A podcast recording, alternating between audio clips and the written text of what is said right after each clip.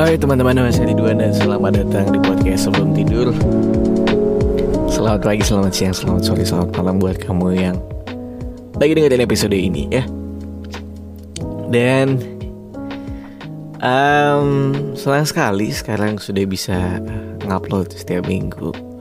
Mudah-mudahan bisa keterusan gitu ya. Terus nggak berhenti-berhenti. Dan di episode kali ini um, Aku pengen ngobrolin soal cinta-cintaan lagi. Ciao Topik yang udah jarang banget aku ngomongin teman-teman uh, Tapi bukan yang manis-manis. Aku pengen ngomongin yang pahit-pahit gitu. Ya nggak sepahit itu juga sih. Coba uh, lumayan jadi sesuatu yang menyebalkan gitu ya. Uh, Untuk untuk eh untuk untuk. Untuk orang-orang yang mendedikasikan hidupnya cuma buat pasangannya alias bucin. Yoi. Ya aku yakin lah uh, Mungkin kita semua pernah jadi bucin Cuma kadang levelnya beda-beda aja. Ada yang over, ada yang biasa aja. Um, Aku pernah menjadi bucin yang Lumayan over teman-teman. Uh, Kayak aku ngasih seluruh waktu, hidup, tenaga Dan semuanya Dari aku tuh buat dia gitu. Dan akhirnya sekarang sudah terlepas dari itu semua pelan-pelan belajar untuk uh, tahu kalau ternyata bucin ini ada baiknya tapi ternyata banyak buruknya juga gitu ketika itu dilakukan secara berlebihan ya walaupun memang semuanya yang berlebihan tuh berbahaya sih. Uh, macam-macam level bucin. Setiap orang mungkin punya kadar bucinnya masing-masing. Pun kamu mungkin punya cara bucinnya yang berbeda-beda juga gitu ya. Nggak semuanya sama. Dan kali ini aku pengen jelasin why bucin yang berlebihan itu sebaiknya tidak perlu teman-teman gitu. Ini buat kamu yang mungkin terjebak dalam kebucinan buat kamu yang mungkin ngerasa kayak Dem kenapa kenapa semuanya dari hidupku tuh buat dia doang sih gitu. Sekadar pikiran deh misalnya. Kayak setiap hari kamu uh, kepikiran gitu. Dia nggak bales dia nggak bales chatmu terus kamu kepikiran ini ke mana ya? Aku balesnya lama ya. Tapi kamu mau ngegubris juga nggak enak takut dibilang posesif misalnya. Uh, dia pulang malam misalnya kamu ngerasa kayak aduh overthinking. Aduh dia ke mana ya? Jangan-jangan dia ke ini ya? Apa ya? Bla bla bla kepikiran sampai kamu nggak bisa tidur. I don't know aku aku ngerasa itu juga termasuk dalam uh, zona bucin gitu karena ya kamu nggak bisa hidup tanpa dia ya ya nggak sih? Ya kan? Gitu. Kamu ngerasa kalau kamu nggak ada dia kamu get lost gitu kehilangan arah. Nggak tahu. Nggak tahu bagaimana caranya menjalanin harimu. Menjalanin harimu loh ya bukan bukan hidupmu tapi sekedar harimu aja. Kamu udah mulai aduh sih? Aduh aduh bingung gitu.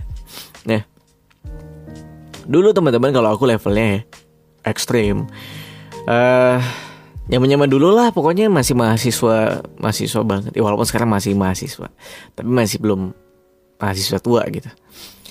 Dulu kebetulan ah aku punya financial yang baik ya. Alhamdulillah waktu itu. Duitnya lumayan dalam beberapa bulan itu dan aku LDRan. Nah kebetulan aku ini ternyata baru sadar kalau memang aku itu tidak bisa LDRan dan memang anaknya pengennya ketemu mulu, pengennya barengan mulu gitu. Akhirnya itu ngebuat aku yang LDRan beda pulau pada saat itu. Jadi harus perlu ongkos pesawat. Yang mana kita semua tahu ongkos pesawat itu lumayan. Dan kalau dihitung-hitung pulang pergi ongkos pesawatku untuk nemuin dia pada saat itu bisa cukup untuk hidup satu bulan di Jogja sini di kota perantauanku. Jadi kayak wow itu duit sayang sekali gitu. Cukup buat satu bulan dan untuk makan dan bersenang-senang. Itu level kebucinanku yang ada uh kenapa sih itu harus terjadi? Gitu. Kayak sayang duitnya. Dan itu aku lakuin setiap bulan hampir setiap bulan. Hampir setiap bulan kalaupun emang skip satu bulan biasanya dua bulan sekali. Itu gila sih. Sangat-sangat gila sih itu menurutku. Um, banyak banyak banget cara orang uh, dalam melakukan kebucinannya teman-teman mungkin aku akan uh, ngejabarin beberapa satu persatu yang mana mungkin juga relate sama yang pernah kamu alamin. Satu ya, yang paling aku risihin banget sama orang-orang yang bucin ini. Aku tidak tahu sih sebenarnya ini masuk ke dalam bucin atau enggak, tapi menurutku ini termasuk ke dalam bucin. Entah itu kamu melakukannya dengan kemauan atau tidak, tapi menurutku ini termasuk dalam kebucinan di mana kamu memasang nama dia, nama pasangan kamu di bio Instagram kamu. aku gak tahu ya, aku untuk sebelum berhidup, sebelum berhidup aku nggak pernah menaruh nama bi, nama bio pacarku di, eh nama bio, nama pacarku di bio Instagramku, nama akun Instagramnya di, di nggak tahu ya kayak kenapa sih kalian semua ini gitu? Kenapa kenapa? Ya tanya yang aku pengen tanyain ke kalian ya buat yang naruh nama pacar kalian di bio Instagram kalian adalah emang gak ada apa yang lebih membanggakan dari diri kalian sendiri selain pacar kalian gitu yang kalian pampang di bio Instagram kalian gitu Ya maksudnya sekedar kamu jadi mahasiswa mana gitu Atau kamu kerja di mana gitu Atau kamu orangnya seperti apa gitu. Itu tuh Much better dibanding kamu menaruh nama pacar kamu di bio Instagram kamu teman-teman. Yang aku lihat dari orang-orang yang menaruh nama pacarnya di bio Instagram itu udah kayak Anjing hidup lu emang cuma buat pasangan lo doang apa gitu. Naruh nama bio Instagramnya seolah-olah dia menjadi hal yang Semua orang harus tahu kalau ini loh pacar gue yang gue taruh di bio Instagram gue ini yang harus lo lihat semuanya gitu. Itu ngebuat aku kayak apaan sih? Gue juga nggak peduli yang pacar lo gitu. Sekedar lo naruh Instagram di Instastory lo atau di feed Instagram lo mungkin lo nunjukin ke orang gitu. Ya kayak lo pengen nunjukin kalau lo nggak single gitu. Jadi buat lo lo lo lawan jenis yang mau godain gue gue udah punya pacar jadi sorry jangan digodain sekedar gitu mungkin nggak apa-apa kali ya. Tapi kayak naruh di bio Instagram tuh buat buat apa sih? Itu menyebalkan stop it. Stop it tradisi menaruh bio Instagram. Eh menaruh bio nama pacar kamu di bio Instagram kamu. Terserah di mana pun menurutku mau di status status apa namanya status lain lah WhatsApp lah apa pun itu. Itu satu. Kemudian aku tuh juga uh, ngerasa kayaknya deh kayaknya ya, kayaknya pasti deh di antara 10 pasti ada deh 5 gitu 5 orang yang merasa terpaksa untuk ngupdate uh, pasangan kalian di sosmed kalian gitu. Aku yakin pastilah ada yang kayak sebenarnya nggak mau ngupdate. Tapi kayak kok kamu nggak pernah ngupdate aku sih? Bla bla bla gitu Nah ini tuh terjadi sampai sekarang sebenarnya gitu sama pasanganku yang sekarang. Tapi memang pasanganku yang sekarang dalam konteks bercanda sih dan kadang emang dia pengen aja diupdate gitu. Nggak tahu lah biasa cewek-cewek. Tapi balik lagi gitu. Aku kan bukan tipikal orang yang pengen uh, ngumbar kemesraanku every single day gitu di sosial media di story terutama kayak aku ke mana di update aku ngapain di update segala macam. Uh, aku bukan tipikal orang yang seperti itu. Sekalinya aku ngupdate biasanya kalau lagi jauh tuh terus kangen gitu biasanya aku ngupdate. Atau kalau memang ada foto yang bagus banget dan aku rasa ini menarik banget kalau misalnya diupload ke feed ya aku update gitu. tapi itu juga nggak sering gitu. kayak aku menghitung nih ah, udah berapa nih dari segala foto yang aku upload kok kayaknya dia mulu. Nah aku udah jarang. Nah mungkin juga kamu pernah gitu ngalamin di mana uh, dia ngupdate terus terus kamu jadi nggak enak terus kamu juga akhirnya aduh apa apa apa aku update juga ya bla bla bla gitu. Karena aku pernah teman-teman eh uh, dia ngupdate ngupdate lagi nongkrong ngupdate lagi makan ngupdate bla bla bla. I don't know. Kayak pada saat itu nggak tahu ya perasaanku juga akhirnya jadi mau gitu buat ngupdate gitu karena nggak enak. Nah buat teman-teman uh, kuatkanlah egomu untuk hal ini. Kalau memang kamu tidak uh, tidak mau ya nggak usah dipaksa gitu. Karena impactnya juga jadi batin di kamu sendiri gitu. Kamu ngerasa jadi nggak nyaman.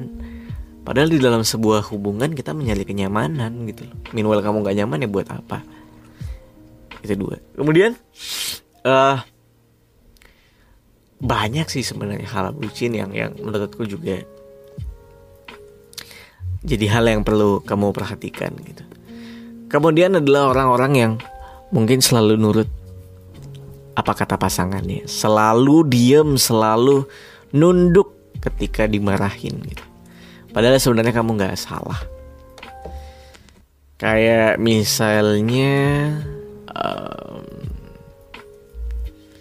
banyak sih sebenarnya hal-hal yang ringan kayak kamu ke mana sih nggak bales chatku bla bla bla bla gitu Walaupun sebenarnya orang yang marah ini bukan tipikal bucin ya. Yang bucin tuh sebenarnya kamu gitu. Yang kayak kamu hilang kabar sebentar terus dimarahin pasangan kamu. Terus kamu kayak ah, Iya maaf ya bla bla bla. Tadi aku gini. Ah gimana sih? Udah udah udah gitu. Terus kamu cuma bisa duduk Iya iya sorry sorry segala macam.